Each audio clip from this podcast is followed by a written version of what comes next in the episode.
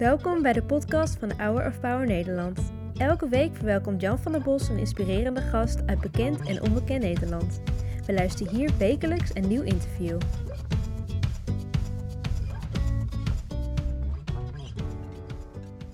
En dat waren de Voices of Hope. Helemaal mooi met hun wintertruien aan. En wat kunnen ze toch mooi zingen. Over kinderen gesproken. Jullie hebben 240 pleegkinderen door de loop van de jaren geholpen.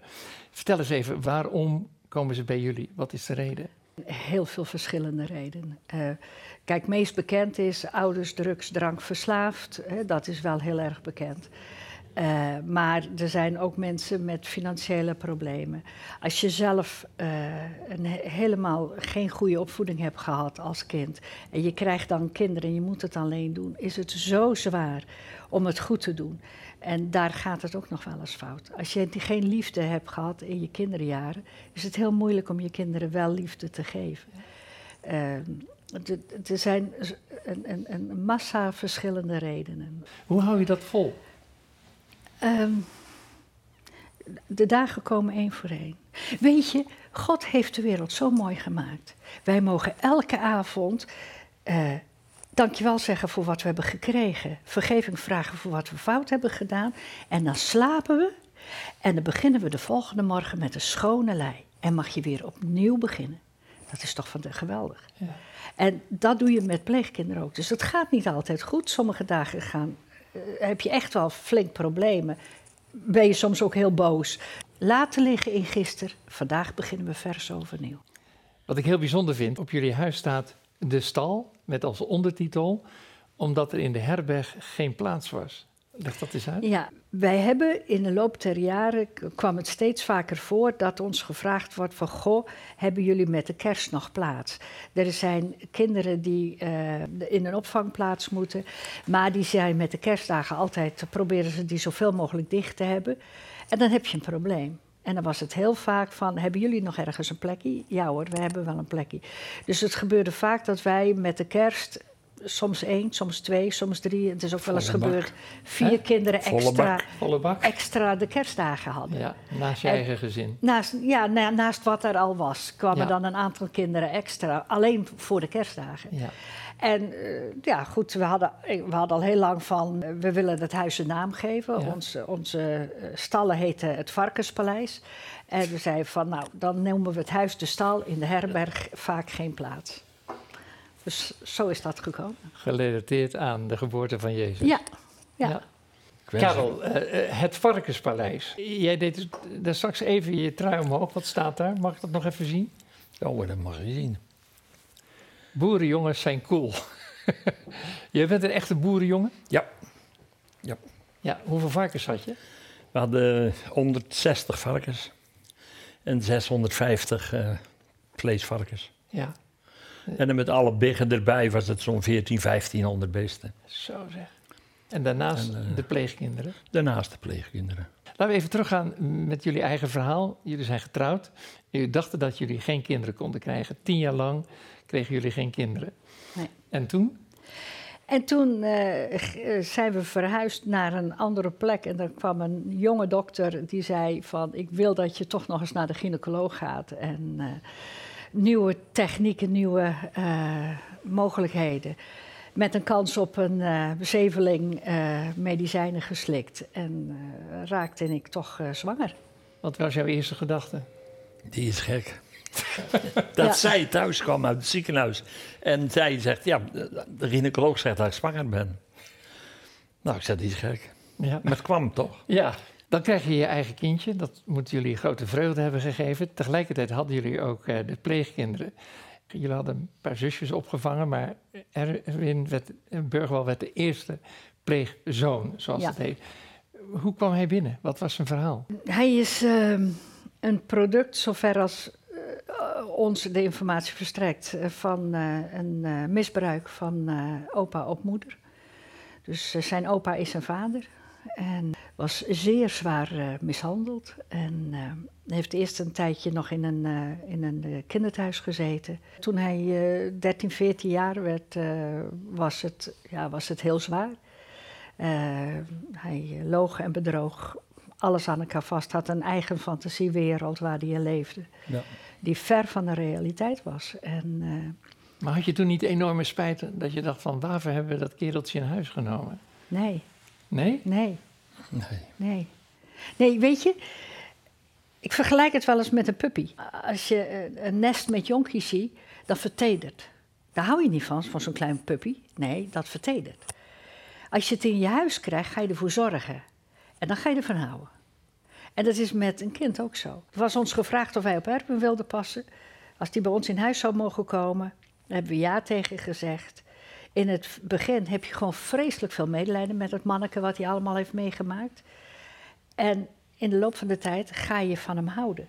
Ik kom uit een gezin waar mijn opa zijn dochter eh, misbruikt heeft. Daar ben ik uit voortgewekt. En na een jaar is mijn moeder getrouwd met mijn stiefvader. En die hebben mij samen de eerste jaren geprobeerd op te voeden. Ik ben veel mishandeld. Waaronder je van de trap afgegooid wordt van boven naar beneden door je stiefvader. Eten op bed.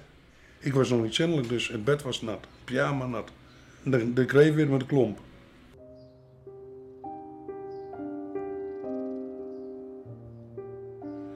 Nou, ik ben in, uh, uit huis geplaatst en ik kwam bij Karel en Greta te wonen.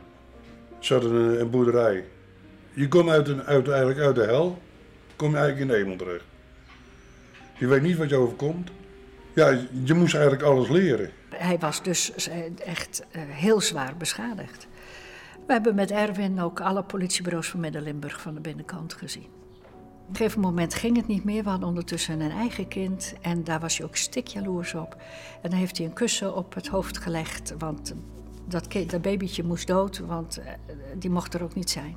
En daar kwam ik, godzijdank, bij uit. En uh, heb ik het weten te voorkomen dat het echt fout liep. En toen, ja, toen, toen moest hij weg. Dat ging niet. Kinderen waren niet meer veilig. Ik heb geen liever pleegkind gehad als Erwin. Oh. Erwin die, die bracht me heel vaak uh, een beschuitje bed. Dan was hij s morgens vroeg wakker en dan maakte hij beschuitjes en een kopje thee en die bracht hij ons op bed. Uh, hij was heel zorgzaam. Als ik het eten koken was, Erwin dekte de tafel. Dat was een stukje onbeschadigd Erwin. Ja. Daarnaast zat een heel groot deel beschadigd Erwin. En hoe groter die werd, hoe moeilijker dat beschadigde deel werd. Maar dat kleine manneke, wat zo zorgzaam was en zo lief was, was er ook. En daar, daar hou je van. Dat is een enorme grote liefde. Ja. Want alleen mensen waar je heel veel van houdt, kun je boos op worden en kun je vergeven. Ja. Mensen die, die je, je, je koude kleren niet raken, word je nooit boos op. Het legt ook heel dicht bij elkaar, hè? Kwaad en liefde. Ja. Ze mogen graag achteruit kijken. Van, ik heb zoveel meegemaakt en van alles en nog wat. En ik zeg altijd, dat moet je het half kan vergeten vergeet het, neem het wel mee, want je hebt het meegemaakt. Maar kijk vooruit. Want als je veel achteruit kijkt, dan mis je de toekomst. Jullie hebben 240 kinderen een nieuwe toekomst mogen geven. Uh, ben je daar trots op, dankbaar? Nee, niet trots. Nee?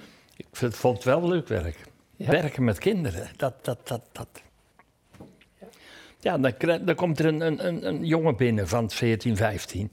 En, en die zo dwars als een kikker. Die wil helemaal niks. Die wil weglopen, die wil van alles. Wat moet je dan doen? Dan moet je de voordeur pakken en dan moet je hem openzetten. En dan moet je zeggen, ga maar joh. En dan staat hij aan te kijken en dan zegt hij... Maar jij moet toch zeggen dat ik hier moet blijven?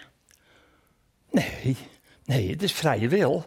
Uh, jij wil weg, jij mag hier blijven. Dan heb je het liefste dat je op knieën gaat en dat je hem smeekt dat hij blijft. En wie is er dan de baas? Ja. Is hij de baas? Ja, maar dat, zo gaat het niet. Zo gaat het niet. Nou, en dan blijven ze. Ja. Streng maar rechtvaardig ben je. Een, een, meisje, die was dan uh, 17, 18 dat hij bij ons was. En die, nou, die ging op kamers wonen en uh, de, met een vriend erbij. En die, uh, ja, op een zeker moment gaat die verkering uit. En die vriend die, uh, nou, je gaat maar weg en van alles. En vader en moeder was er niet. En ja, die belde s'avonds. En ja, ik zei, nou, een slaapplaats, die is er wel. we hebben een viaduct onder de A2. Nou, die is een meter of vier hoog, maar je legt daar droog. Dan ga je daar liggen, dan leg je droog. En die andere tunnel, ik denk dat die twee meter hoog is, maar uh, daar kun je best onder liggen. Nee, tenminste een dak boven je hoofd. En als je het koud krijgt, dan kom je een slaapzak halen. Het was een uur of half twaalf en dan ging de, de bel. En uh, kom een slaapzak halen. nou, kom dan maar binnen. dus die heb... Uh, die, die, nacht in ieder geval, ik denk een dag of vier. Ja. Bij ons, totdat ze het geregeld hadden, dat ze ergens anders kon slapen. Ja, en, is een nuchtere boer, hè? Ja, een hele nuchtere boer. Ja, absoluut, absoluut. En on, onontbeerlijk in die, die jaren in pleegzorg. Want ik had het alleen nooit gekund. En hij had het alleen ook nooit gekund. Dus samen. Nee, we doen het samen. je doet het echt samen. En dan was het heel vaak van: ik was degene die strak en streng was. Hè? Uh, van dit zijn de regels. Nou, we hebben altijd maar twee regels in huis gehad. Eén, er wordt niet gelogen. En logen, liegen is niet meer dan dingen zeggen waarin je jezelf bevoordeelt. Ja, ja. Eh, wat niet waar is. Dan lieg je. Je mag mij vertellen dat je moeder de koningin van Engeland is en je vader de keizer van, uh, China. Van, China. Ik geloof je. Het enige wat je me dan vertelt is dat je niet gelukkig bent met je eigen achtergrond. Maar je liegt niet, je fantaseert. Er zit een heel groot verschil in. Tweede regel, waar niet onderuit te komen was: iedereen zit aan tafel als ik eet. Niemand hoeft te eten, dat is niet nodig. Als je niet eten wilt, doe je het niet. Maar iedereen zit aan tafel. En ze beginnen vanzelf een keer te eten. En er zijn kinderen die. Uh, groot verschil. We hebben kinderen gehad die uh, uh, twee, drie dagen geen hap door hun keel kregen, want die weigerden om te eten. Maar ze kregen er geen aandacht mee. Want de enige reden van een kind die, waar jou in de baas is, is niet eten. Je kunt het hem in zijn mond stoppen, maar je kunt het niet voor hem doorslikken. Dus daar wint hij altijd in. Dus je moet nooit strijd maken van eten. Aan de andere kant hebben we ook kinderen gehad die alvast uh, alles op, op een bord schepten en met mes en vork zo onder het bidden zaten van. En als iemand uh, aan mijn eten komt, dan hak ik de, de hand eraf. Ja, En die werkelijk zo ontzettend veel aten, omdat die niet gewend waren om drie keer op een dag eten te krijgen. Dus die, die, die bunkerden een week lang. En dan stopt dat vanzelf. Maar waren er ook bij aan tafel zitten. Dat is prima. Dan ga ik met de rug naar de tafel zitten. Dan zit ik ook aan tafel.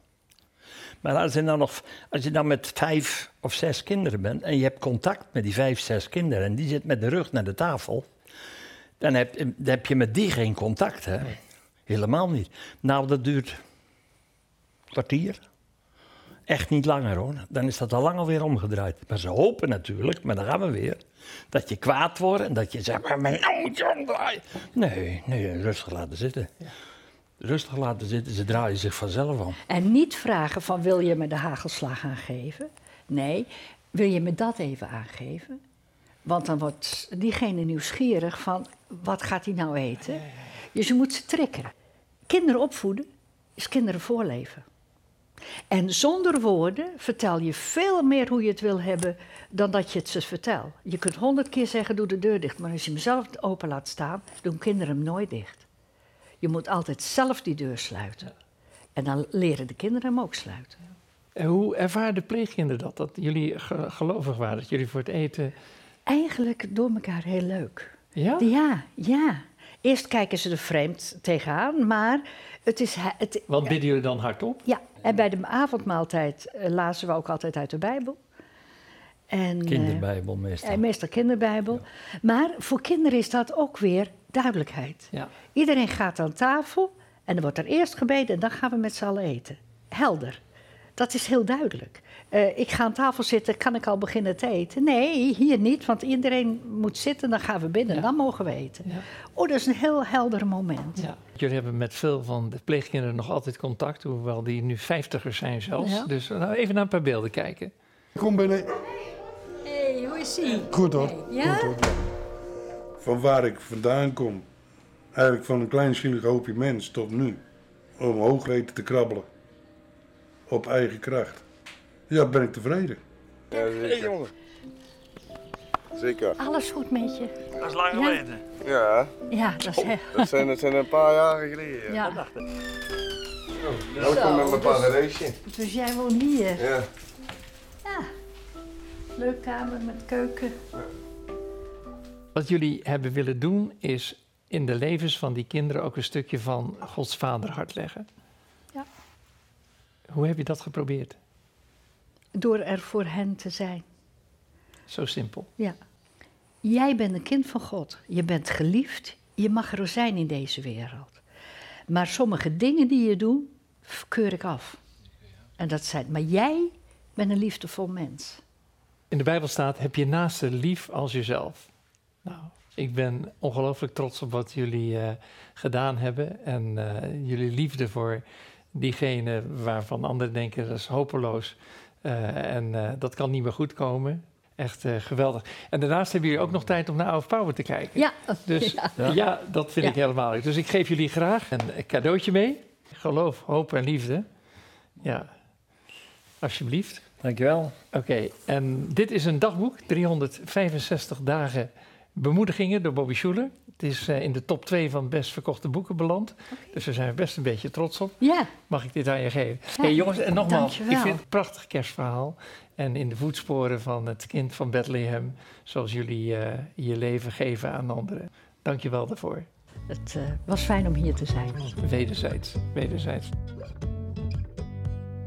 Bedankt voor het luisteren naar het interview van deze week. We hopen dat dit verhaal jou heeft bemoedigd. Wil je meer weten over Hour of Power of andere interviews bekijken? Ga dan naar www.hourofpower.nl